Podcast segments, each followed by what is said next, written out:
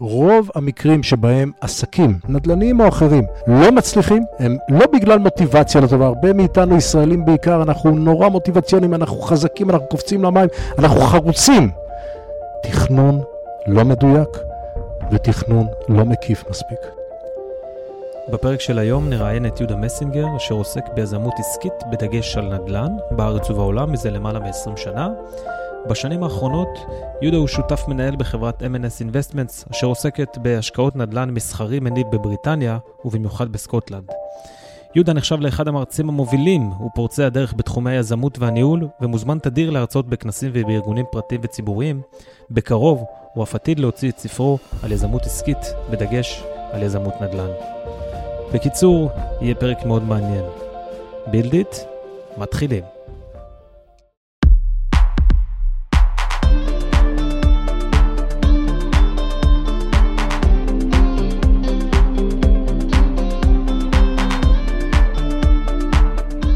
ברוכים הבאים לבילדיט עם תום בורג וגיא העליון.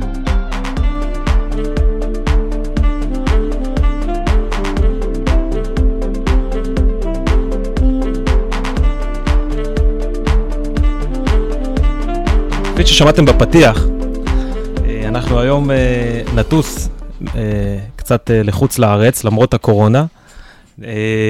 ונדבר על יזמות נדל"ן, גם בארץ, לא נזניח את מדינת ישראל כמובן, יש לנו פה ציונים, ו, אבל כן, אנחנו נרצה לשים דגש קצת, לרענן את תחום יזמות הנדל"ן בעולם, בדגש על בריטניה, ולשם כך התכבדנו להביא את מר יהודה מסינגר, תודה רבה, שלום ליהודה, קודם כל. אהלן לכם. והמון תודה שהסכמת להגיע להתראיין אצלנו. המון תודה שאתם מארחים אותי. רגע, לאיפה אנחנו טסים? לאיפה טסים, גיא? אז הנה, בגלל זה... נתחיל בלונדון, נעבור משם לגלסגו ואדינבורו. זה, יהודה ייקח אותנו, טיול מסביב. ואני שומע טיסות, אני נדלק. אז טוב, אז יהודה מתמחה בנדל"ן מניב. אה, בעיקר אה, נדל"ן מסחרי. כשאנחנו מדברים, נגיד נדל"ן מניב או נדל"ן מסחרי, זה מבחינתנו אה, יהיה אותו דבר, אבל הכוונה היא לנדל"ן מסחרי, לא נדבר על נדל"ן למגורים, או פחות, נכון יהודה? נכון. פחות נדבר נכון. על נדל"ן מגורים. למרות שגם נדל"ן מגורים, אגב, יכול להיות נדל"ן מניב, אבל הפוקוס שלנו הוא בהחלט נדל"ן מסחרי, מניב בחו"ל, הווה אומר בבריטניה. אז אוקיי, אז האמת שנגעת בדיוק אולי בשאלה הראשונה, בוא נתחיל בבסיס, מה זה נדל"ן מניב? נדל"ן מניב בבסיס בצורה פשוטה מאוד, זו הכנסה קבועה, שוטפת לרוב, שאני מצליח לייצר כיזם או כמשקיע מהנכס הנדל"ני שרכשתי, אוקיי? רוב הפעמים, ברוב המקרים, ההכנסה היא הכנסת שכירות. בין אם השכירות היא שכירות אה, מגורים, ובין אם היא משכירות אה, מסחרית, הווה אומר שהנכס מיועד למטרות עסקיות. ההתמחות שלנו היא התמחות, כאמור, בנדל"ן מסחרי, מניב, וזה פותח ככה באמת חלון לעולם רחב מאוד, מדויק מאוד, מקצועי מאוד, שדורש התמחות. לא רק התמחות בארץ היעד, ואנחנו נשוחח, כפי שאמרת, גיא, אה, לא מעט בפודקאסט הזה על אה, בריטניה, אבל זה נכון לכל ארץ יעד, לא רק באמת בהתייחס לארץ יעד ספציפית, ביחס לכל ארץ יעד שבה אנחנו נרצה להשקיע, נדל"ן מסחרי מניב דורש בקיאות, גם בנדל"ן עצמו, גם במערכות הפיננסיות של אותה מדינת יעד שבה אנחנו רוצים להשקיע, שערי מטבע, ריביות וכדומה, גם בנתונים שהם מקרו-כלכליים בהתייחס לאותה, לאותה מדינת יעד, זה דורש מקצועיות, זה דורש מומחיות. נדל"ן יזמי, בהגדרה שלו, הוא נדל"ן שאני צריך למעשה לבצע פעולה אקטיבית כדי להשביח את הנכס שאותו רכשתי. זה יכול להיות אה, שיפוץ, החל משיפוץ הנכס, שיפוץ אה, פשוט שלו, זה יכול להיות דרך הוצאת היתר, של uh, uh, תוספות בנייה, זה יכול להיות דרך השבחת זכויות הבנייה, זה יכול להיות דרך איחוד חלקות, זה יכול להיות אלף ואחד מהלכים של השבחה אקטיבית. בנדל"ן מניב אנחנו לא עסוקים, בדרך כלל, בהשבחות אקטיביות של הנכס. אנחנו גם פחות עסוקים בלבנים של הבניין. אנחנו עסוקים ביכולת שלנו לייצר הכנסה קבועה, יציבה, חזקה, מהנכס שאותו ייצרנו, מה שאנחנו נקרא לזה, ואני מניח שניגע בזה בהמשך הפודקאסט, לייצר תשואה טובה שוטפת מההשקעה הנדל"נית שאנחנו ביצענו. האמת שגם, אה, אני מבין את הרמה הבסיסית, אבל גם למצוא נכס שהוא יכול להניב לך את התשואה שאתה רוצה, זה גם סוג של יזמות. כלומר, אולי לא ברמה... חד משמעית. נדל"ן מניב חד משמעית, גיא, זו יזמות. זו יזמות. החל משלב איתור הנכס, שיהיה הנכס המתאים לייצר את ההכנסה שאתה רוצה לייצר כמשקיע, וכלה בניהול שלו. זה שרכשת נכס נכון ובמחיר נכון, שלכאורה פוטנציאלית יכול להניב לך את ההכנסה הנכונה, עדיין לא אומר שבפועל אתה תעשה את זה. כדי שתעשה את זה, אתה חייב למעשה שכל הוקטורים יעבדו. גם הנכס נקנה נכון, גם הנכס והסוחרת מתנהלים נכון, וגם ההכנסה הצפויה אכן מתקבלת בפועל. בשביל כל המהלך הזה, אתה חייב שמי שיעמוד בראש הפרויקט הזה יהיה איש מקצוע בתחום הנדל"ן המניב, שיכיר היטב את המדינה, את מדינת היעד שבה אתה רוצה להשקיע, ואת כל מה שמתלווה לזה. דוגמאות okay. לנדל"ן מניב? נדל"ן מניב, כמו שאמרתי, יכול להיות החל מדירת מגורים שאני משכיר לסוחר לטווח קצר או ארוך, זה לא משנה, זה נדל"ן מניב. הנכס מניב לי, כבעל הנכס, הכנסה. כזו או אחרת, אם זה מתוך השכירות הקצרת הטווח, ארוכת הטווח, וכלה כמובן בנדל"ן מסחרי מניב, כשאני אומר מסחרי מניב זה אומר שסוחרות בתחום המסחר, משרדים, לוגיסטיקה, תעשייה, בנקאות, ממשלה, הן למעשה סוחרות, הן סוחרות היעד שלך, ואתה מנסה לייצר עסקה שבה התשואה שאתה תקבל באמצעות השכירות שלהם, ועל בסיס המימון, ניגע גם, אני מניח, במימון לא מעט בשיחה הזו, ועל בסיס המימון הבנקאי שאתה תקבל, בשורה התחתונה ייצרו הכנסה סולידית, יציבה וטובה. אני אומר את המילה סולידית כבר פעמיים, חברים, כי בסוף היום נדל"ן מניב מושך סוג מסוים של משקיעים, אוקיי? בדרך כלל אלה הם לא המשקיעים ההרפתקניים, הם לא המשקיעים מחפשי הסיכון, לרוב אותם משקיעים שמחפשי הסיכון ילכו להשקעות יזמיות, לנדל"ן יזמי. אני אקח בניין, אני אקנה אותו, אני אשפץ אותו, אני ארחיב אותו, אני אהרוס אותו ואבנה אותו מחדש. זה בדרך כלל המוקד של חבר'ה שמחפשים את, ה, את ההרפתקה, שיש בה בתוכה, אגב, גם סיכוי הרבה פעמים גבוה, אבל גם סיכון גבוה. כי היא תלויה בהרבה מאוד משתנים שהם לא תמיד, או נגדיר אחרת, תמיד הם לא בשליטת היזם. אוקיי, היזם יכול לתכנן, יכול לצפות נכון, אבל הם בדרך כלל לא בשליטתו, ולכן רמת הסיכון היא גבוהה. לעומת זאת, נדל"ן מניב מביא איתו בדרך כלל חבר'ה סולידיים יותר, גם לרוב בגילאים קצת, uh, קצת אחרים, שכבר יצרתי לעצמי איזשהו קפיטל, איזשהו הון uh, מסוים שאני רוצה לעבוד איתו באופן פסיבי. אוקיי? וזה מושך בדרך כלל גם סוג השקעה שהוא עם רמת סיכון יותר נמוכה. אוקיי, אני לא אקבל כאן איזה אפסייטים מדהימים, בדרך כלל של עשרות אחוזים בשנה, אבל מצד שני, רמת הסיכון הנמוכה מאפשרת לי לייצר, הרבה פעמים, בעבודה נכונה מקצועית, הכנסה קבועה, שיטתית ויציבה. בוא נסביר ככה למאזינים ולנו, מושג תשואה. מושג שאנחנו שומעים אותו כמעט בכל uh, תחום של, uh, בכל תחום של הנדל"ן, ו, ובכל זאת יש לנו תשואה ברוטו, יש לנו תשואה נטו, אבל רגע לפני, מה זה תשואה? סבבה. אז זו שאלה מצוינת, ודאי תום בהתייחס לנדל"ן מניב, שבנדל"ן מניב, כמו שאמרנו, אתה מחפש הכנסה, קודם כל ולפני הכל. זה יהיה נחמד שהנכס בעצמו גם ישביח את עצמו, וגם כשתרצה למכור אותו, תוכל להפיק תשואה, אוקיי? שהיא תשואת uh, מכירה ותשואת רווח, אבל בבסיס אתה קודם כל רוצה שהתשואה השוטפת, שההכנסה השוטפת תצדיק את ההשקעה ששמת בתוך הנכס הזה.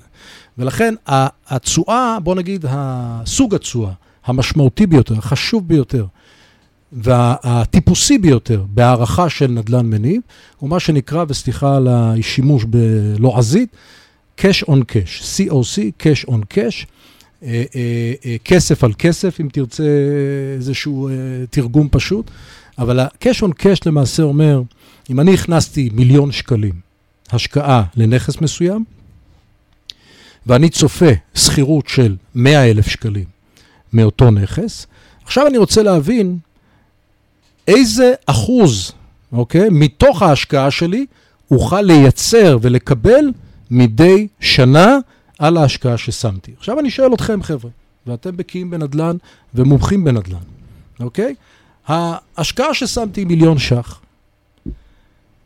השכירות הצפויה השנתית מהסוחרת, נניח שמדובר במפעל שיושב בנכס הזה, מפעל תעשייתי, היא 100 אלף ש"ח.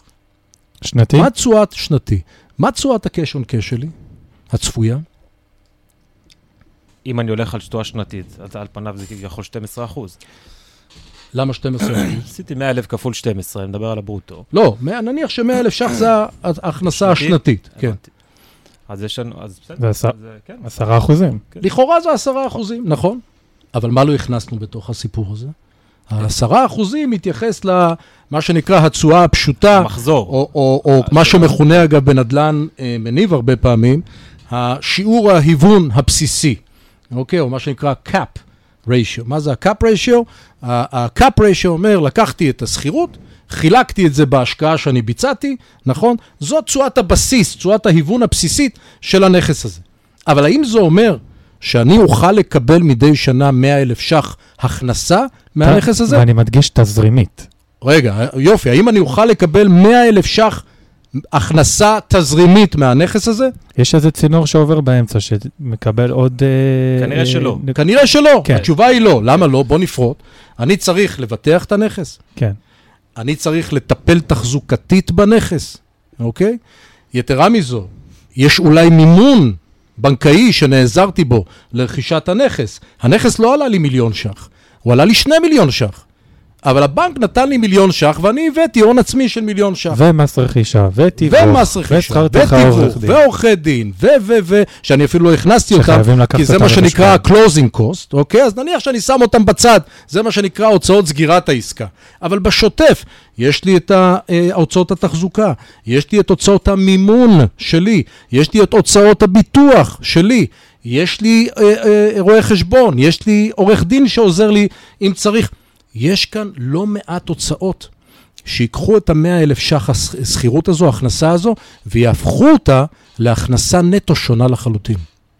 אם אני רוצה להבין את ה-cash on cash, כמו שאמרת, תום, את ההכנסה התזרימית שלי מהנכס, אני חייב למעשה לקחת בחשבון את אותן הוצאות צפויות, ולהעריך אותן. אני אוסיף עוד אלמנט, מה יקרה אם חלילה יש קורונה? והסוחרת, אותו מפעל, יבוא אליו ויגיד לי, יהודה, בחייאת, זה קורונה. אז אנחנו מדברים את על המפעל." על הערכת סיכונים. בדיוק. סגרתי את המפעל, אנא, תוריד לי 50% מהשכירות בחודשים האלה. זה במקרה הטוב, במקרה במקרה הפחות הטוב. טוב הוא פשט רגל. או וגם- פשט רגל ונעלם. הוא לא זאת אומרת, כבר. כשאני מנסה להיכנס לנדל"ן מניב, ומנסה, כמו שאמרת, תום, להבין תשואות, אוקיי? אני חייב, חייב, תביא, קודם כל, תחת הסעיף הזה של cash on cash, שזה אולי החשוב ביותר בסופו של יום, על משקיע הרגיל, הטיפוסי, אני חייב להבין מה כנראה תהיה ההכנסה נטו שלי. שיווקית, שאני אומר, נטו שלי, לפני, אפילו לפני מיסים, מיסים זה סוגיה נפרדת כשאנחנו- שעליה אפשר כשאנחנו לדבר שומעים שוב. שנכס עושה תשואה של 10%, 20%, אז בואו ככה בשביל. המאזינים נסביר, זה ברוטו. בדיוק. זה לא מה שנכנס. בסופו של יום לכיס יפה. של אותו משקיע. יפה. זה חשוב, זו הערה נורא חשובה. מאוד חשובה, כי בסוף היום, הרבה מהפרויקטים המשווקים לקהל, שחלקו קהל מבין בנדל"ן וחלקו נעל, אה, קהל שלא מבין בנדל"ן, אה, אה, הוא בדיוק מציג את אותה תשואה ברוטו, שהמרחק לעתים בינה לבין התשואה נטו שלי cash on cash הוא מרחק אדיר. מרחק אדיר, שלפעמים אגב, הופך את ההשקעה ללא כדאית לי. ולכן, כלל ראשון, אם תרצו, כשאנחנו רוצים לבוא ולהיכנס לעולם הזה של נדל"ן מניב, זה להבין, להבין תמיד שאם אני רוצה להבין את התשואה הפוטנציאלית, עוד לפני ששמתי שקל אחד, אני חייב לקחת בחשבון את אותם מרכיבי עלות, פעם אחת הצפויים, ולהוסיף גם פקטור, דיברת על ניהול סיכונים, ולהוסיף פקטור של סיכון. מה יקרה אם? מה יקרה בתרחישים שונים? מה יקרה אם אני חודשיים מתוך השנה לא מקבל שכירות? מה יקרה אם אני צריך להחליף סוחר, וזה לוקח לי חצי שנה עכשיו להחליף אותו? אני חייב, חייב לקחת את כל אותם מרכיבי עלות וסיכון בחשבון כשאני מנסה להבין תשואות. אז cash on cash, כמו שאמרנו, זו תשואה אחת משמעותית מאוד. תשואה שנייה, אני אזכיר עוד שתיים, ככה שוב, לא נעשה את זה אה, אה, קורס פיננסים עכשיו והגדרות מדויקות של אה, תשואות, אבל נזכיר את זה כי זה חשוב. שתי תשואות נוספות זה ה-return on equity, או ההחזר על ההון. אוקיי? תזכרו, cash on cash זה יותר תזרימי. מה תכלס, איזה הכנסה צפויה לי תזרימית מההשקעה שלי מדי שנה, אוקיי? Return on equity אומר בגדול, הפעם לא תזרימי, אם אני שם עכשיו מיליון שקל, בסוף תקופת ההשקעה שלי, נניח שאני בוחר אה, להסתכל על תקופת ההשקעה שלי כחמש שנים, כעשר שנים, בתום תקופת ההשקעה שלי, מה יהיה סך התשואה המצטברת שאני אקבל גם מתוך ההכנסה השוטפת וגם מתוך המכירה הפוטנציאלית, המימוש הפוטנציאלי של הנכס, חלקו או כולו. זה תמיד, אגב, הדיונים שלי גם עם תום, שאנחנו mm-hmm. מדברים על uh, השקעות, שיכול להיות שתזרימית, שלוש, ארבע שנים, אתה ככה תחזיק את הראש מעל המים, אולי אפילו תהיה בתזרים שלילי, אבל בסוף, ההחזר ההשקעה שלך היא כל כך השתלם, שהתזרים הוא לא מעניין כרגע. גם אם אתה מפסיד, אתה בתזרים שלילי של 1,000, 2,000 דולר בחודש, בדיוק. אז זה עדיין בסדר, כי אתה צופה איזושהי... זה, אה, זה, זה הערה מאוד חשובה, כי, כי מאוד מאוד תלוי, ואנחנו נגיד את זה לאורך כל הפודקאסט היום, מאוד מאוד תלוי מה המטרות האמיתיות שלי כמשקיע או כיזם. האם באמת מה שקריטי לי הוא לקבל את ההכנסה השוטפת, החודשית, הרבעונית, כל חודש, כל רבעון, החיובית. זה אז החיובית, כמובן, כן. התזרים החיובי כן. הזה, או שאני אומר, נחמד לי שיש לי תזרים שנוצר מהנכס, יש לי נכס מניב, אבל למעשה אני צופה שבעוד חמש שנים, באמצעות מספר השבחות, דרך אה, אה, אירועים שונים, למשל העלאת שכירות, החלפת שוכרת וכדומה, אני אצליח לייצר תשואת אקזיט, תשואת יציאה, תשואת מימוש גבוהה מאוד. ואז זה מה, ש... מה שחשוב לי. ולכן במצב כזה, הפרמטר או התשואה החשובה יהיה ה-return on equity, ההחזר על ההון. אני צריך לראות סך הכל מהו ההחזר על ההון, ואני אוסיף עוד משפט אחד קטנטן כדי לא לסבך יותר מדי את המאזינים היקרים שלנו. יש גם את ה-IRR, בדיוק. ויש לנו גם, אני לא רוצה לבלבל יותר מדי את המאזינים שלנו, אבל יש עוד תשואה אחת שצריך לשים אותה על השולחן, שהיא נגזרת מה-return on equity, מההחזר על ההון, וזה ה-IRR, internal rate of return. זה אומר, בגדול, מבלי להסתבך עכשיו, אני לוקח את ה-return on equity שלי, נניח שעשיתי במצטבר, אני צופה שאני אעשה 50 אחוז בשבע שנים הקרובות, אוקיי? גם מתוך מה שאני אקבל בשוטף וגם מתוך המכירה. 70 אחוז על הכסף. השקנתי מיליון, אני אקבל בעוד שבע שנים 700 אלף נוספים, מעבר למיליון שאני השקעתי, אוקיי? IRR לוקח את ה-70 אחוז ומחלק אותו לכמות השנים. אני עושה את זה עכשיו בצורה פשוטה, זה לא בדיוק בצורה הזאת, אבל בגדול הוא מנסה לראות כמה תשואה בסופו של יום קיבלת פר שנה. פר שנה. וזה חשוב, כי דרך זה אני יכול להכניס את מרכיב הזמן לתוך ההשקעה, שהוא, הרבה פעמים אנחנו נוטים לשכוח אותו או לשים אותו קצת בצד. לזמן יש משמעות. זמן שווה המון כסף בהשקעות. בטח שבנדל"ן, שאנחנו יודעים שנדל"ן זה הדבר הכי לא טכנולוגי שיש. וצריך לחשוב טווח ארוך. בדיוק, ותזכרו, השקעה בנדל"ן בניב זו השקעה פיננסית.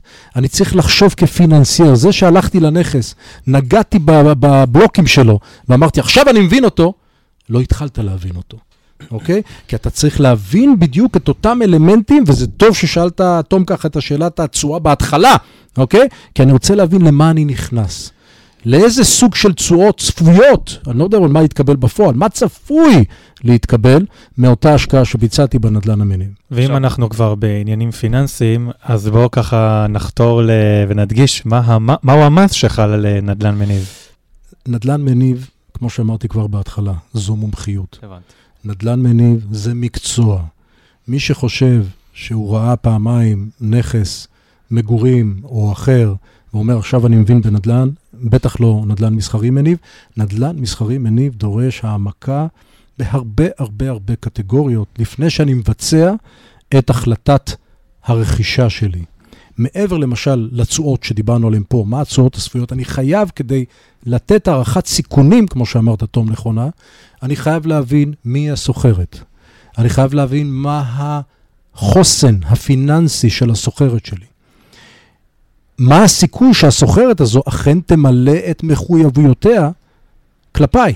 להביא ערבים. או, זה יכול להיות גם, זה יכול להיות ערבים, אבל אם זה ערבים, זה אומר שאין לה מספיק חוסן פיננסי בפני עצמה לעמוד. אם אני עכשיו לוקח את uh, ממשלת בריטניה, מקרה אמיתי, כן, מה, מהיום-יום, דיברנו על זה קצת לפני הפודקאסט, העסקה הנוכחית שלנו עכשיו בבריטניה, ב- ליד מרכז גלסגו, היא עסקה שבה הסוחרת היא ממשלת בריטניה בעצמה, משרד הפנים הבריטי. כאן אני לא צריך לבדוק את חוסנה. זה ברור. אוקיי? זאת, כי, אה, כי, כאן, זה, זה, זה, בדיוק, זה ממשלת בריטניה, היא הסוחרת. אגב, גם ממשלות יכולות uh, להיכנס לבעיות, אבל כאן אני לא צריך לעשות הערכת דירוגי אשראי. לעומת זאת, אם אני בוחן סוחרת מסחרית, אני חייב להבין מה דירוג האשראי שלה, מה הדוחות הכספיים האחרונים שלה. תזכרו, אנחנו עוסקים בנדלן מסחרי, מניב. אז זה סעיף אחד. שתיים, כל הסעיף הבנקאי, כל סעיפי המימון. אני צריך להבין היטב מה הבנק מבקש ממני. אני צריך להבין היטב מה הריביות שיהיו עכשיו ומה הריביות שיהיו אחר כך, מה הסיכוי שלי למחזר בעוד חמש שנים את ההלוואה. זאת אומרת, כשאתה מדבר על אקסל, אה, גיא, זה לא רק אקסל, האקסל מבטא בסופו של יום לא, את המהות. את המהות. בטח. וזה אומר שהאקסל עצמו, כן, כל, כל אחד יכול להרכיב אקסל, אבל כדי לגשת בכלל ולבנות את האקסל, אתה צריך לבוא עם המון המון ניסיון וידע על מה לבחון בכלל. נכון. אוקיי? לראות את הנכס זה הדבר אולי הכי פחות חשוב כשמדובר בנדלן מסחרי מניב. אוקיי? ה-due diligence, מה שנקרא בדיקות הנאותות, הן קודם כל מתייחסות לסוחרת, אוקיי? החוסן שלה, מידת היכולת לקבל מימון בנקאי, תנאי המימון הבנקאי, והנכס, ונקרא לזה הפרמטרים השונים של הנכס. אז יהודה, מה שאתה אומר בעצם זה שצריך לקחת איזה יועץ פיננסי שילווה את כל התהליך חד הזה. משמעי. אם אין את זה in-house, אם מישהו רוצה להיכנס לתוך העולם הזה, כמו אגב בכל יזמות אחרת, אבל בטח ובטח בנדלן מניב מסחרי, Airbnb נקרא חייב- גם נדל"ן מניב?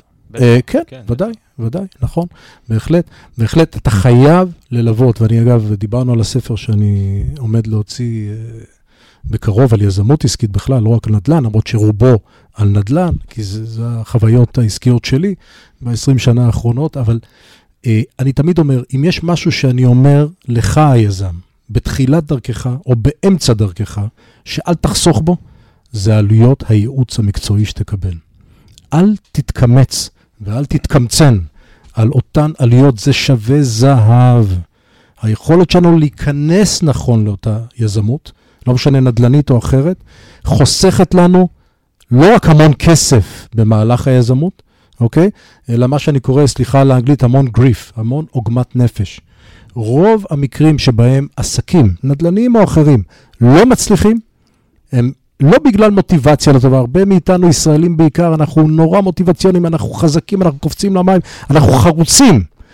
תכנון לא מדויק ותכנון לא מקיף מספיק. ובכל- לעשות את זה, כן, בבקשה. ובכל זאת, מהו המס שחל על אה, נדל"ן מניב? אז המס, המס. אז אפרופו, אפרופו אני מיסוי, חייב לשאול את זה. זה חד משמעית. אני אגיד את זה שוב, כמובן שמאוד חשוב להבין מהי מדינת היעד שבה אנחנו... כרגע בישראל, רוצים להשקיע. אבל אני אומר באופן כללי, באופן כללי יש שני סוגי מס שחלים על נדל"ן מניב. אחד, וזה קצת נגזר מתוך מה שדיברנו עד עכשיו, אחד זה על ההכנסה השוטפת, הכנסה, אוקיי? זאת אומרת, אם אני עושה, כמו שאמרת, אני אתן דוגמה פשוטה, יש לי דירת, דירה להשכיר במדינת ישראל. במדינת ישראל אתה צריך לשלם מס, אוקיי? על ההכנסה מ- מהשכירות. יש סעיף כזה שנקרא מס על הכנסה משכירות. אנחנו נדבר על נכס, כנ"ל. על נכס מסחרי מניב, כי במגורים זה, אז מגורים יפה. יש תקרת פטור אני מסוימת. התחלתי, התחלתי אפילו, אתה יודע, כאילו בצד המגורים, אבל ודאי שבצד, ה, אה, כמו שאתה אומר, אה, גיא המסחרי, אה, זה הופך להיות טיפה מורכב יותר, אבל בגדול זה אותו רעיון, אתה משלם מס על השכירות השוטפת, ההכנסה השוטפת שאתה מקבל. כמובן, אני אגיד בסוגריים, למה זה הופך להיות מסובך יותר כשמדובר בנדל"ן מסחרי מניב? כי השאלה גם איך אתה מתאגד. האם אתה קונה את זה באופן פרטי? האם אתה האם חברה אתה או עוסק חברה? מורשה? האם אתה עוסק מורשה? האם אתה קונה כיחיד? האם אתה קונה כקבוצה? זה מאוד משתנה, ולכן, אפרופו, אה, תום, שאלת הייעוץ וגיא, היא שאלה קריטית, לקבל את הייעוץ הנכון, המקצועי, המיסויי, לפני כניסה למים. אבל, בגדול, אמרנו שני סוגים, אחד על ההכנסה, ושתיים, על המימוש, אוקיי? או מה שנקרא על האקזיט. לאחר מספר שנים, מימשתי את הנכס, אז אני נכנס לקטגוריה של מס רווחי הון. וגם כאן מאוד תלוי איך רכשתי את הנכס הזה, באיזה קונפיגורציה, באיזה מבנה רכשתי אותו, יחיד, חברה, שותפות וכדומה. חשוב, חשוב מאוד לקבל בדברים האלה ייעוץ מדויק מאוד. אני יכול להגיד לכם, אני שנים עוסק בנדל"ן, כמו שאתם יודעים, ואני לא זז מילימטר אה, בלי ייעוץ מס אה, וייעוץ משפטי. במקרה שלנו, אגב, אני חושב שאמרתי לכם, אני עובד שנים רבות עם אה, טלי ירון אלדר, שהייתה נציבת המס בישראל, והיא באמת באמת סופר, סופר יועצת לכל מה שאנחנו עושים. אה, ושותפה נהדרת לדרך. זה חייב להיות כך, כי בלי זה, תזכרו, נדל"ן מניב זה עסקה פיננסית. בלי זה אני מאבד ידע משמעותי על מה יקרה לאחר שקיבלתי את ההכנסה, או לאחר שקיבלתי את הרווח מהמימוש. כן, לא, המיסוי בנדל"ן זה בעצם, זה, זה מה שיקבע בסוף גם את זה התשואה חלק שלך, משמעותי מאוד. וגם התכ... התכנון המיסוי, נכון מאוד. אה, זה מה שיקבע באמת אה, אם התשואה שלך תהיה יותר נכון. גבוהה או, או פחות גבוהה. עכשיו, א', במדינת ישראל, ברמה המיסויית, ההסתכלות היא, היא, תכף נדבר על בריטניה, היא טיפה שונה, כי אה, כשאתה, כשאתה הולך ומשכיר נכס מגורים, אתה לא חייב לפתוח אה, דוח אה, במס הכנסה, ויש לך תקרת פטור, עד אם אני לא טועה, 5,400, אז אתה יכול לקבל את הכסף ואתה יכול להתנהל ולא, ולא צריך לעשות שום דבר. לעומת זאת, בנכס מסחרי, אתה כבר צריך להגיש דוחות שנתיים, אתה מסתכל על זה ברב... כאילו שאתה מנהל עסק בעצם. נכון ממש מאוד. ניהול עסק, כמו שאתה נכון, פותח נכון. אה, אה, אה, מוסך. אני, אני, אני אחדד, אה, גיא, את מה שאתה אומר, ואתה צודק מאוד. אה, קודם כל זה עסק. כמו שאמרנו קודם, זה. יזמות, שתיים זה עסק. אה, ואתה צריך להתייחס לזה כאל עסק, אה, שיש לו הרבה מאוד משאבי ניהול שאתה צריך להקדיש, לא רק בהתחלה, אלא תוך כדי. אה, שתיים, מאוד מאוד חשוב להדגיש, בגלל שאנחנו, אמרת שנשוחח עוד מעט על בריטניה, זה, זה איזושהי הקדמה קצרצרה. כל נושא המס חייב להיות בהתאמה למדינת היעד שבה אתה הולך להשקיע. אגב, אני אומר אתה, זה כמובן את. אנחנו פונים גם ליזמים וגם ליזמיות. חשוב לומר את זה, וכן תרבנה יזמיות אה, בארצנו. חייב, חייב, חייב להיות בהתאמה עם המס הלוקאלי. ויתרה מזו, אני חייב לוודא ולבדוק עם היועצים שלי מהי רמת ההתאמה בין מדינת היעד שבה אני אשקיע, נניח בריטניה, או כל מדינה אחרת, לבין חוקי המס במדינה שבה אני תושב, שבה תושבות המס שלי. אני ישראלי, לצורך העניין, ואני פועל בבריטניה. אז אני צריך למעשה להבין שתי מערכות מיסוי ולהתנהג בהתאם לשתי מערכות המיסוי האלה. במקרה הזה יש אמנת יש אמנת מס מס, נכון. בין שתי המדינות. זה אני חושב השאלה הראשונה שצריך לשאול, כלומר, כלומר, אם יש אמנה, ואז אתה יכול בעצם יותר להבין בקלות את עניין קיזוזי המס בין המדינה, זו מדינת שאלה היעד. חשובה, לא הייתי בהכרח אומר שזו השאלה הראשונה להשקעה, כי כמו שאמרנו, יש המון פרמטרים. לא להשקעה, בנושא המיסוי. בנושא המיסוי, חד משמעית, זו שאלה קריטית, וצריך להבין אותה לעומק. אפשר להתנהל גם אם אין אמנה, אוקיי? אבל אז חשיפת המס תהיה. אחרת. כן. דיברנו קודם על אה, תשואות, והדבר הראשון ששוחחנו עליו, ואני באופן אישי תמיד שומע ב- בחו"ל, אה, תכף נגיע לאנגליה, אבל אה, בארצות הברית ובאירופה אה, יש תשואות הרבה יותר גבוהות מישראל. בוא נדבר רגע על זה, למה, למה שם בחו"ל, מעבר לים, התשואות יותר גבוהות? קודם כל, האם זה נכון בנטו? איך זה עובד? אני, אני אגיד לך, וזו שאלה מצוינת, תום, כי אני בערך, אני, אני מרצה, אני מרצה מעבר לזה שאני עושה פעילות עסקית, אני פוגש יזמים, אני פוגש מנהלים, אני מאוד אוהב את המפגש, את הדיאלוג איתם. אה, זה הכיף שלי, באמת שזה הכיף שלי, וזו הסיבה גם שאני כתבתי את הספר, כדי לתת את הכלים לאנשים שצמאים לכלים. אבל השאלה הראשונה, או הטיפוסית שאני תמיד נשאל, יהודה, איפה בעולם כדאי להשקיע היום, אוקיי? או איפה התשואה הכי טובה? יפה, והתשובה שלי היא בכל מקום ובשום מקום. נדל"ן בסוף היום הוא משהו מאוד מאוד לא קל לי. יכול להיות שאני אעשה עסקה נהדרת. אנחנו יושבים כאן במשרדים היפים ב- ב- ביפו, יכול להיות שאני אעשה עסקה נהדרת כאן ברחוב בן צבי 9, אוקיי? על דירה נהדרת, והדירה לידה, בדיוק באותו מקום, תהיה חרבנה של עסקה, אוקיי? זאת אומרת, אני לא מרחיק אפילו לשאלה של האם נכון עכשיו להשקיע בפרו או בקוסטה ריקה, אלא כל השקעה נדל"נית מחייבת ממך, המשקיע, היזם, להבין לעומק את הגזרה שבה אתה רוצה להשקיע. עכשיו, שיבינו המאזינים ונבין כולנו, לבנות גזרה להשקעה לוקח שנים. להבין לעומק, אפילו אני, אני השקעתי בשעתו ביפו, אני אהבתי מאוד להשקיע בישראל, מאוד אהבתי את יפו. השקעתי לא מעט ביפו ובנווה צדק ובמקומות אחרים. כדי להבין לעומק את הגזרה, הייתי צריך לכתת רגליי, תרתי משמע, לפחות שלוש שנים, להתנסות, לקבל נתונים, ללמוד, לרוץ, לראות, עד שאתה מרגיש שאתה בקיא בגזרה הגיאוגרפית שלך. לא כל שכן שאתה פותח גזרה במדינה אחרת.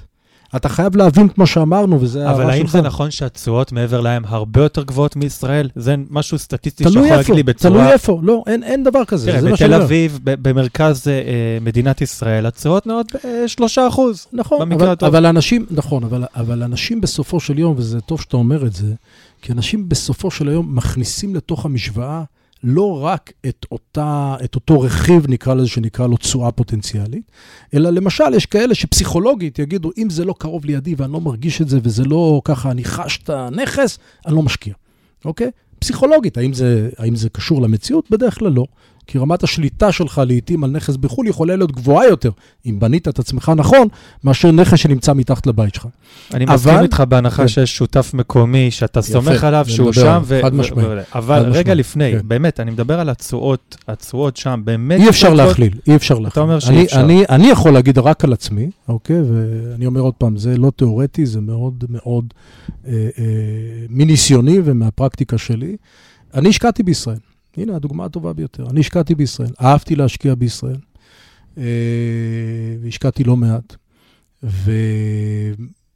והתחושה הזו שבאמת הנדל"ן הוא קרוב אליך והוא זמין וכו', יש יש בה משהו, אבל אני בשנים האחרונות משקיע אך ורק בבריטניה. עכשיו, זה נובע מלא מעט סיבות, ביניהן גם התשואות הפוטנציאליות שאני יכול לייצר בנדל"ן מניב. אגב, מי שהשקיע בדירה בלא משנה איפה, בבאר יעקב, באשדוד, בחיפה, בתל אביב, ב-10-15 שנים האחרונות בישראל, עשה נהדר מבחינת ההשבחה. בוא נצלול פנימה לתוך בריטניה. מה, מה האיכות של בריטניה? מה אתה רואה שם? מה חקרת? מה הבנת? יופי, אז נעבור לאנגלית עכשיו, אני מבין. או יותר נכון, לסקוטית, שזה בכלל אי אפשר להבין. אה, כי המיקוד שלנו באמת אה, אה, סקוטלנד. קודם כל, אני אספר לכם בדקה איך הגעתי לבריטניה. אוקיי? כי אמרתי לכם, אני השקעתי בכלל בישראל. אז אני אגיד לכם אה, רק במילה, מי שהביא אותי ואת השותף שלידי לבריטניה לפני כשבע שנים, אה, הוא יהודי יקר בשם אה, אהרון ברנר, שהוא משקיע בנדל"ן כבר שנים רבות, רק בנדל"ן מסחרי מניב באנגליה, ונוצרה היכרות, ולמעשה, לאחר שהבנו, ותכף אומר לכם מה מייחד את בריטניה בהיבט הנדל"ני, אה, ושהתחלנו לעבוד, אנחנו במרכאות ירשנו ממנו את כל התשתיות שהוא פיתח במשך שנים רבות. אתם זוכרים שאמרנו לפתח גזרה נדל"נית חדשה לוקח שנים. אז אנחנו במידה רבה קיצרנו טווחים, גם לקח לנו שנים, אבל קיצרנו טווחים באמצעות התשתיות שכבר היו קיימות, אם זה עם הקבוצה שעושה לנו את ה brokerage, את ה pipeline לעסקאות, אם זה property management, הניהול שדיברת עליו, אם זה אה, עורכי דין, רואי חשבון, כל התשתית שאתה חייב לייצר כיזם במדינה זרה, למעשה קיבלנו אותה, ירשנו אותה, כמובן אהרון הוא חלק מהצוות שלנו אה, עד היום, וזה חשוב, אה, אבל זה לוקח זמן, ואנחנו למעשה אפשרנו לעצמנו איזשהו קיצור טווח uh, קצר, אבל גם זה לקח לנו שנים רבות.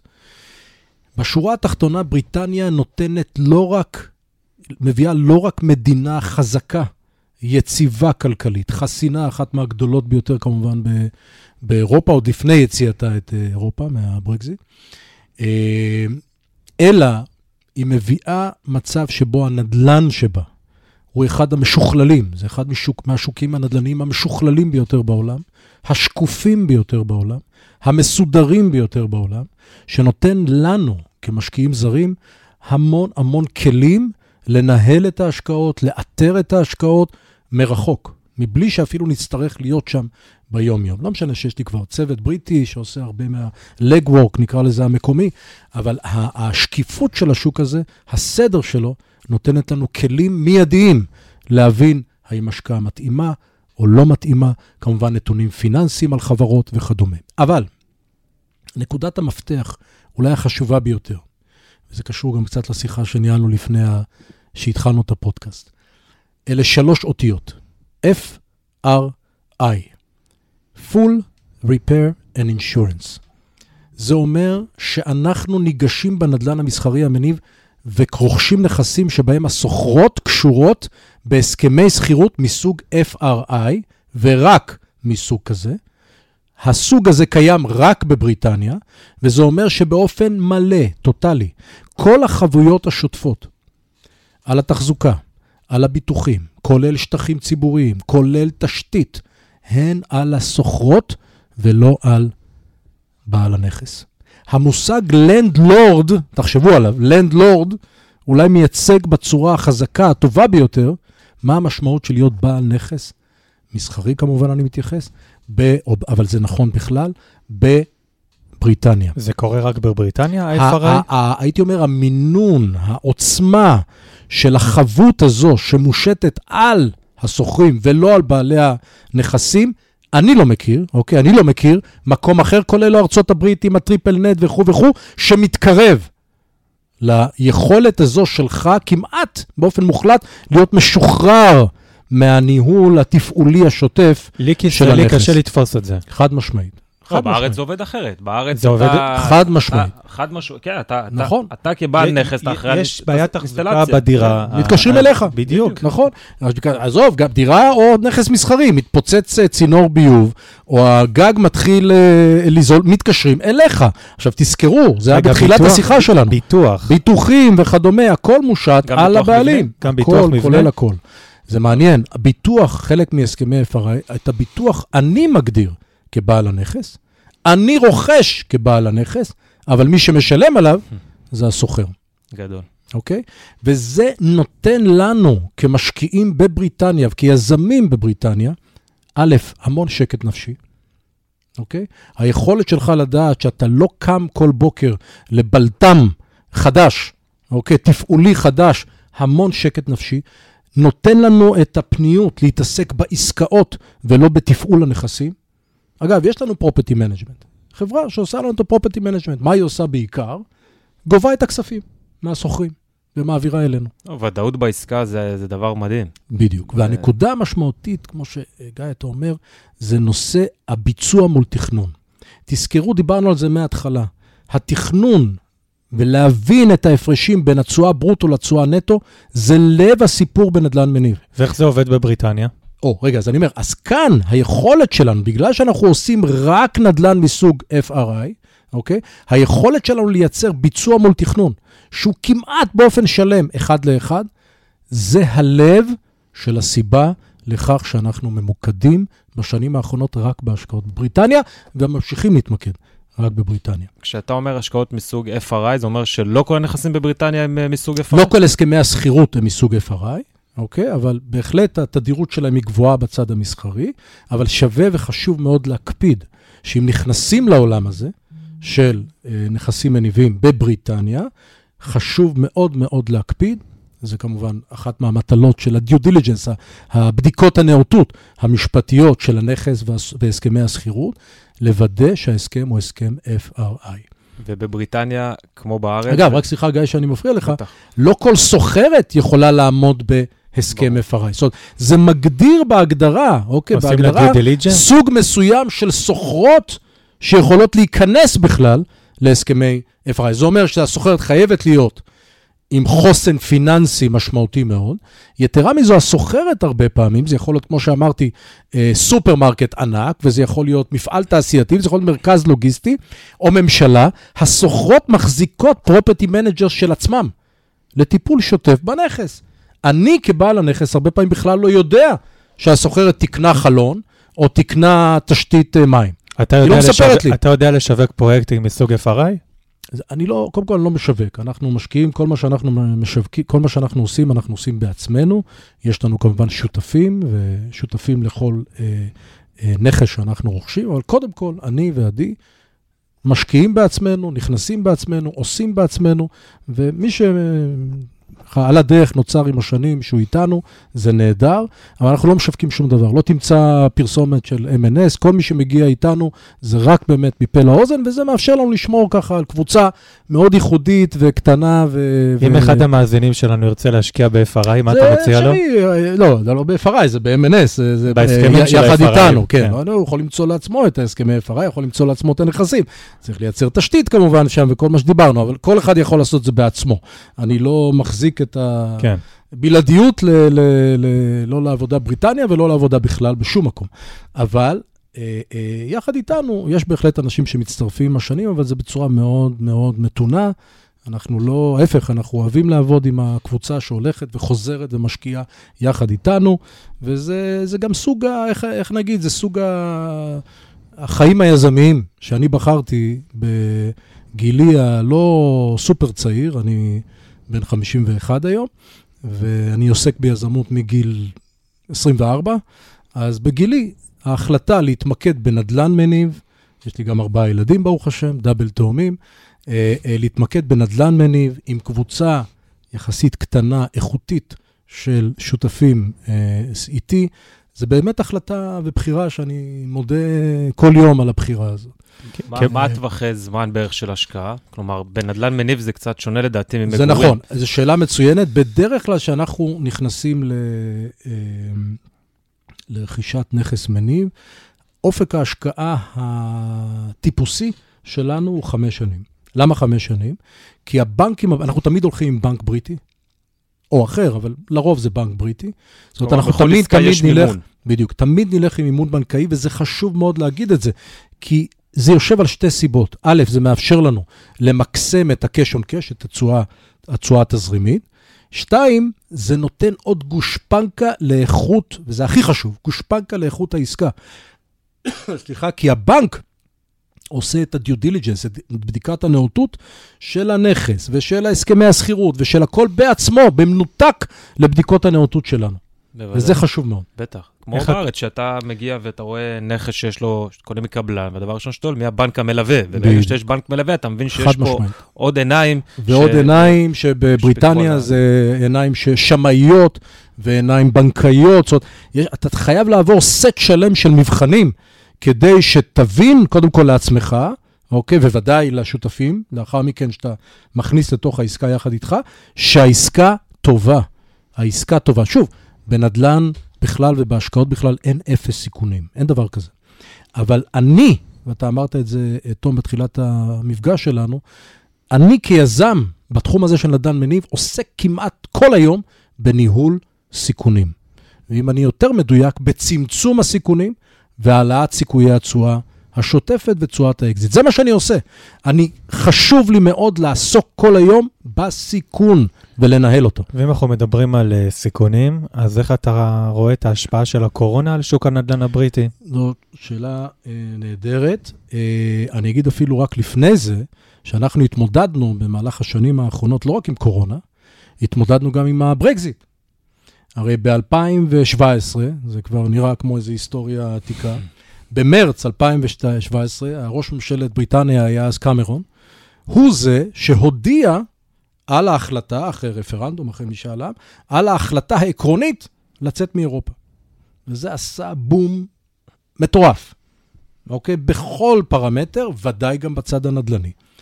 לנו זה עשה רק טוב. למה? היינו אז בתחילת דרכנו ברכישות של נכסים. לקח לנו שנה, שנתיים רק לייצר את התשתית שלנו שם, אבל ב-2017 למעשה התחלנו באופן אה, מעשי ושוטף, שיטתי, לרכוש נכסים. תזכרו שהפאונד ירד באותו מהלך של ההכרזה על הברקזיט מכ-6 שקלים, אוקיי? לשקל, ל-6 שקלים, הפאונד היה שווה 6 שקלים, לאזור ה-4 שקלים. זאת אומרת, הייתה נפילה דרמטית של הפאונד, מה שלנו הגדיל את כוח הרכישה שלנו, משמעותית. שתיים, הבום הגדול הזה, הזעזוע וחוסר היציבות שנכנס אה, בתוך בריטניה, שהיא בדרך כלל מדינה יציבה מאוד, אוקיי? יצר היצע גבוה יותר מהרגיל של נכסים טובים. של אנשים שחששו לקראת הבאות ומה יקרה.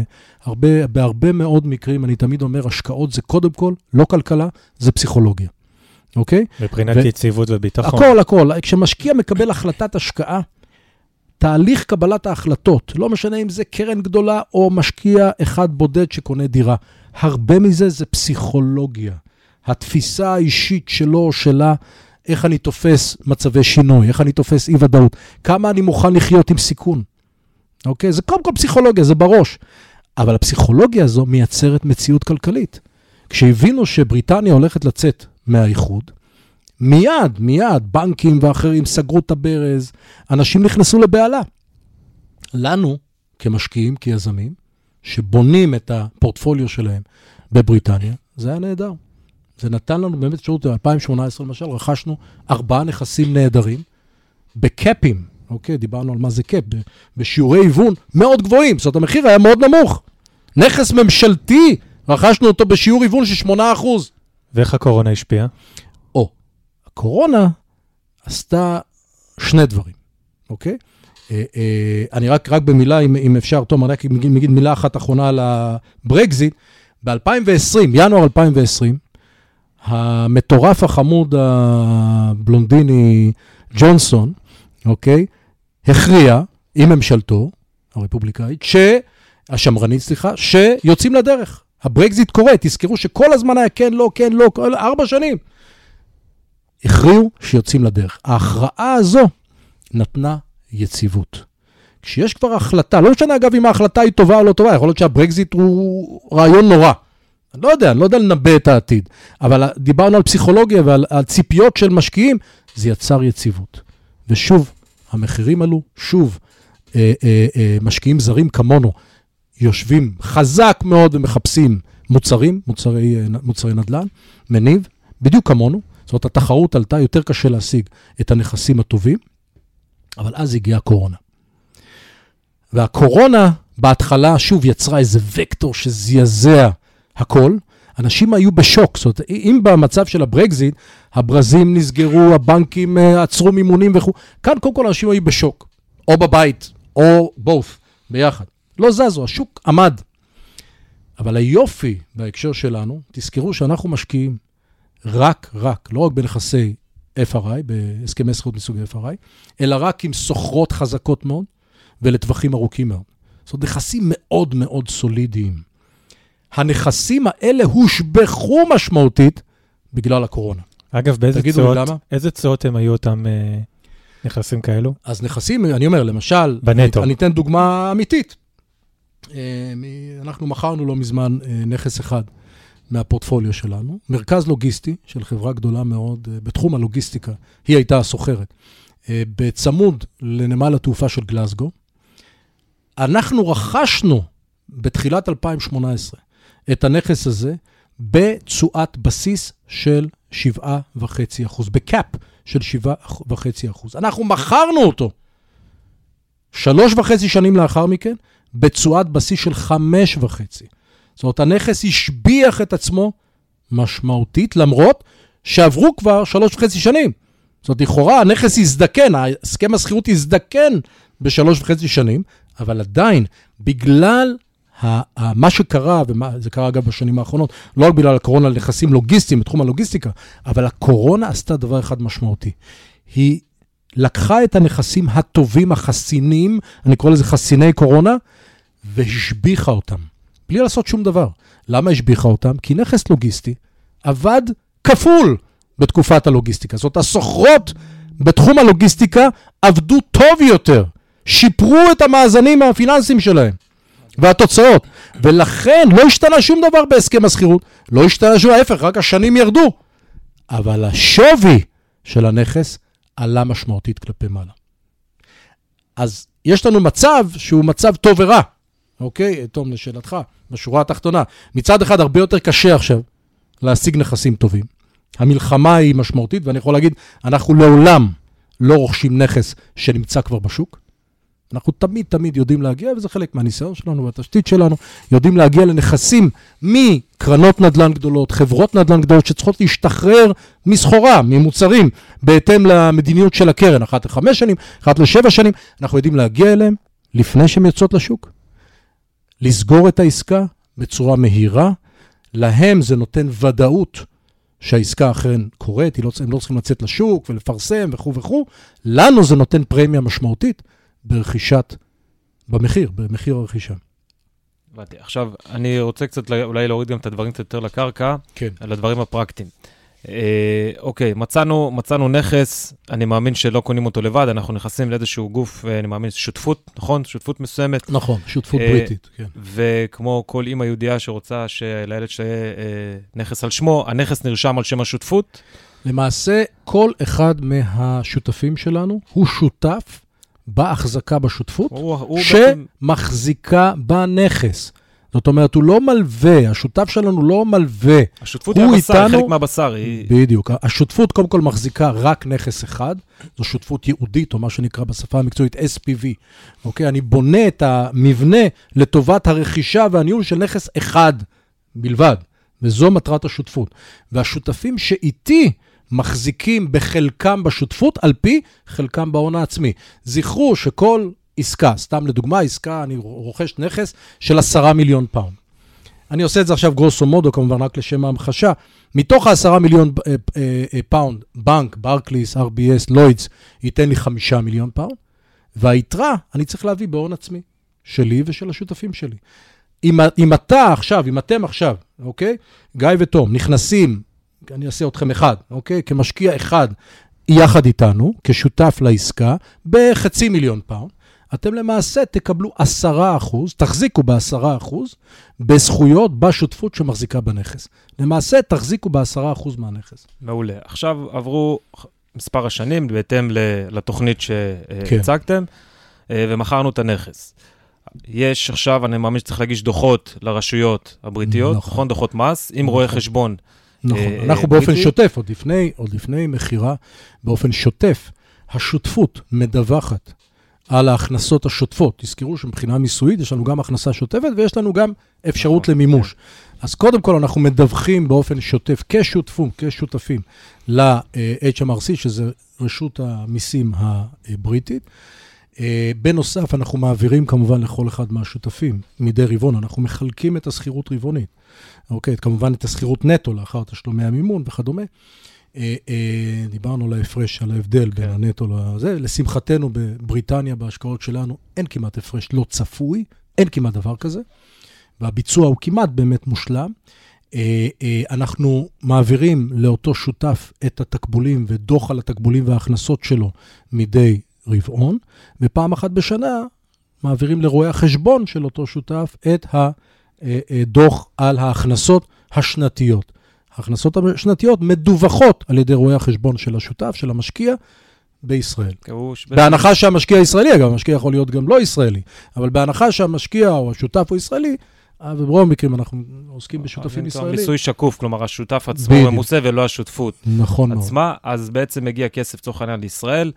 עכשיו מגיע העניין של רווחי הון במכירה. במכירה אותו דבר. זאת אומרת, אנחנו משלמים את המס הבריטי. שהוא 20 אחוז במקרה הנוכחי הוא 20 אחוז capital gain taxes, ויש השלמה לפי האמנה עם המיסוי הישראלי, במקרה הזו 25 אחוז. אוקיי, אז בעצם זה המודל שהוא גם יכול לעבוד, אגב, בכל מדינת יעד. הוא יכול לעבוד בכל ש... מדינת יעד, אבל עם הפרמטרים הרלוונטיים למדינת ברור, היעד. ברור. זאת אומרת, אני, יודע, אני מומחה בבריטניה, אני לא יודע לא, לא, אם בגרמניה יכול להיות שהמיסוי הוא אחר והאמנה היא אחרת. בגלל זה, בגלל זה חייבים להיות, אמרתם את זה בשניכם, קודם מאוד מדויקים ולקבל את הייעוץ הנכון בצד המיסוי. עכשיו, דיברת על זה, אני ממש ככה לקראת הסוף, כן. למרות שאני יכול לדבר איתך, נראה לי גם עוד שעה על הנושא הזה, מאוד מעניין. כיף, ואני איתכם. אה, מאוד מעניין. ברמה השמאית, זרקת ככה פעמיים את המילה שמאות, כן. ואמרת גם שבריטניה שוק מאוד מאוד משוכלל, אותי זה פשוט מעניין באופן אישי, אה, כן. ברמה המקצועית.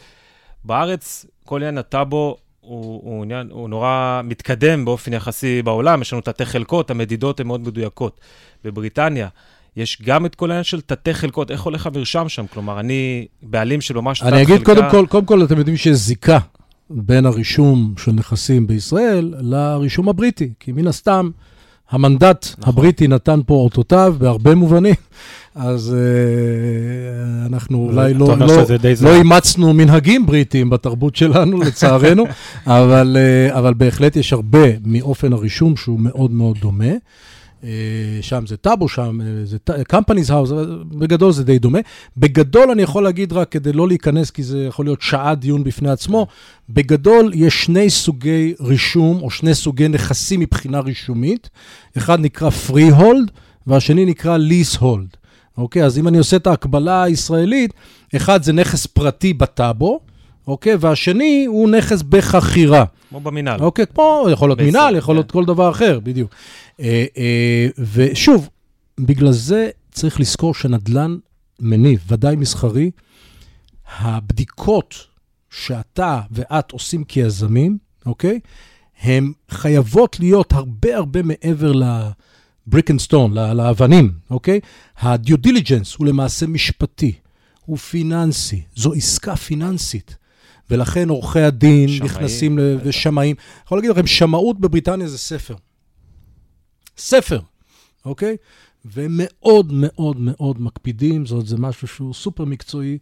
אה, להגיע גם להיות שמאי, אה, אתה צריך לעבור, אה, אגב, גם בישראל יכולים נכון. להיות שמאים נהדרים, אבל זה ספר, ובאמת, הנושא הזה הוא מדע, אם אפשר לקרוא לזה מדע מדויק בנדל"ן, בבריטניה הוא הכי קרוב למדע מדויק. רגע לפני סיום, דיברנו קודם לפני הפודקאסט על סקוטלנד, למה להשקיע דווקא בסקוטלנד אה, בתוך אה, אנגליה? שאלה נהדרת, שאלה נהדרת. אה, אני קודם כל יכול להגיד לכם שאני מת על סקוטלנד. סקוטלנד הוא צריך לזכור, בריטניה, הממלכה המאוחדת, זה אנגליה, שהרוב מכירים את אנגליה הגדולה, סקוטלנד, האחות הקטנה הצפונית, וווילס, אוקיי? אז את ווילס אני פחות מכיר, את אנגליה אני מכיר, ובעיקר את סקוטלנד. סקוטלנד זה שוק קטן. בסך הכל כמה מיליוני אנשים, אוקיי? שחיים להם בתנאי, בעיקר קור משמעותיים. ושם יש אנשים נחמדים מאוד. בדיוק. אתה מקבל, אני קורא לזה בדיוק, בסוף בסוף סקוטלנד, אני קורא לזה אנגליה על סטרואידים. למה על סטרואידים? כי אתה מקבל את כל הטוב של אנגליה, שוק משוכלל, שקיפות, סדר, שיטה, ארגון, companies house, הכל מסודר ונכון ומשוכלל ושקוף, ויחד עם זה השוק הוא הרבה יותר vibrant, הוא הרבה יותר צומח, הרבה יותר פעיל. אגב, בשנים האחרונות השווקים של גלסגו ואדינבורו, מבחינה מסחרית אני אומר, לא מגורים, הם שווקים מהצומחים והחמים בכלל אירופה, אוקיי? אסור גם לשכוח, מדברים על סקוטלנד הקטנה, כן? אבל גלסגו היא העיר השלישית בגודלה בבריטניה, אוקיי? זה לא איזה עיירה. כל הפעילות הנדל"נית למעשה מתרכזת בין 2-3 ערים בלבד, גלסגו, אדינבורו, אברדין אולי לפעמים. גלסגו ואדינבורו זה כמו חיפה תל אביב. 80 קילומטר, 90 קילומטר, זה הכל. והנדלן מרוכז סביבה, זה שוק קטן. למה זה טוב? שלוש סיבות. התשואות על אותו הסכם שכירות בדיוק בסקוטלנד יהיו לרוב גבוהות יותר, אוקיי? מבאנגליה. אני לא מדבר על לונדון, ששם בכלל התשואות יהיו נמוכות הרבה יותר. אני מדבר על אפילו מרכזי ערים גדולות אחרות, וגם בצפון, לידס ומנצ'סטר וכדומה. על אותו הסכם שכירות. זאת אומרת, סתם כדוגמה, יש לי סוחר בשם, אה, סוחרת בשם חברת אלדי. אלדי היא אחת מהסופרים הענקיים ביותר באירופה. חברה גרמנית, פעילה מאוד בבריטניה. כשאני עושה הסכם שכירות עם אלדי, ההסכם שכירות הוא לא עם האלדי המקומי שנמצא בגלסגו, הוא עם אלדי UK, שמחזיק את כל הרשת ב-UK. זאת אומרת שההסכם שכירות שלי הוא בדיוק אותו הסכם, בין אם אני יושב בגלסגו או במרכז לונדון. רק שבמרכז לונדון אני אקבל על אותו הסכם תשואה של 4%, ובגלסגו אני אקבל 7-8%. אחד. שתיים, ה-cost of doing business, עלויות יצירת העסקים הרבה יותר נמוכות בסקוטלנד. רואי חשבון, עורכי דין, הם הרבה יותר נגישים, הרבה יותר ידידותיים למגע, הייתי קורא לזה, גם האנגלים יכולים להיות נהדרים כמובן, אוקיי? אבל העלויות הבסיס נמוכות יותר. כי זה כאילו כמו פריפריה, נקרא לזה. ושלוש, לנו כיזמים, השוק הקטן הזה, עם מיעוט מאוד של ישראלים, אתה יודע, אנגליה משופעת ביזמים, ישראלים בתחום הנדל"ן, ודאי אזור לונדון וערים מרכזיות אחרות. לנו בסקוטלנד, אנחנו עד היום, כמעט, כמעט, אוקיי? היזמים שמתמקדים בסקוטלנד, אולי היחידים הישראלים. יש אולי עוד אחד או שניים כמונו. אוקיי? כי למה? כי זה אומר לנסוע עוד, אה, זה עוד לג אחד בטיסה מלונדון לגלסגו, זה שפה, יש מחסום לפעמים של שפה, זה לא קל אה, אה, להתנהל בשוטף. אני, שפה, האנגלית היא כמעט שפת אם בשבילי, כן? אבל זה עדיין, סקוטית זה משהו אחר, צריך להתרגל אליו, האוזן צריכה להתרגל אליו. המנהגים הם קצת שונים, התרבותיים בעסקים. השוק יותר קטן, אבל זה נתן לנו לייצר נוכחות תוך פרק זמן יחסית קצר, אוקיי, של כמה שנים, נוכחות חזקה מאוד. קוראים לי ולשותף שלי ה-Israeli Boys. אמרתי לכם, אני בן 51, אבל עדיין קוראים לי ה-Israeli Boys. למה? יודעים שה-Israeli Boys מגיעים, יש עסקה. וזה יצר לנו נוכחות, וזה מביא אלינו, שואב היום, כבר עסקאות טובות מאוד שכבר מגיעות לשולחננו לפני האחרים. זאת אומרת, גם ברמת התחרות הבסיסית, נוח לנו טוב יותר וכיף לעשות שם עסקים. יפה מאוד. טוב, אז חבר'ה, אם זה עד עכשיו לא הספיק לכם, אז uh, uh, יהודה עובד uh, כבר כמה שנים, נכון? על ספר בתחום נכון. היזמות והנדל"ן, והוא בשנה הקרובה אצל האור? בעזרת השם, אני אמור להוציא את זה עם זמורה ביטן. כן. אז שיהיה המון בהצלחה עם זה. אנחנו כמובן רבה. מחכים ומצפים גם כמובן לקבל העתק. תודה רבה. היה לי כיף גדול איתכם. איפה אפשר למצוא אותך? Uh, אני בדרך כלל uh, פה, אם אני לא בבריטניה, כשנותנים לטוס, אז אני משתדל, או בסקוטלנד, בדיוק, בעיקר בסקוטלנד, אבל uh, אנחנו פה, בטח בתקופת הקורונה היינו יותר פה, אבל חבר'ה, קודם כל היה לי באמת כיף להיות איתכם, ושאלתם שאלות מצוינות, ובול בפוני, כמו שאומרים, ואני מקווה שהמאזינים שלנו לקחו קצת מתוך השיחה שלנו, קודם כל על השקעות בכלל נדל"ניות, מה לשים לב, למה להתייחס, אפרופו מה זה תשואה ואיך מודדים תשואה, ובעיקר, בעיקר, אם אתם רוצים לעשות השקעות בחו"ל, אוקיי? נדל"ניות, לדעת היטב שהתחום הזה הוא לא רק מקצוע, אני מדבר על נדל"ן מניב מסחרי, אלא חשוב מאוד שאתם עובדים עם מישהו, שאותו אדם, זה, אני לא אומר את זה רק עליי, יש הרבה טובים, רבים וטובים ישראלים שעושים את זה במדינות uh, אחרות, יהיה מקצוען, יכיר לעומק את שוק המטרה, יהיה לו התשתית לעבוד בשוק המטרה, ושהוא יהיה נציג נאמן של המטרות שלכם, העסקיות, האחרות, הכלכליות, בהשקעה הזאת. מעולה. יהודה מסינגר, אז שוב המון תודה שהיית. תודה רבה, חברים. תודה לך. תודה, כיף גדול.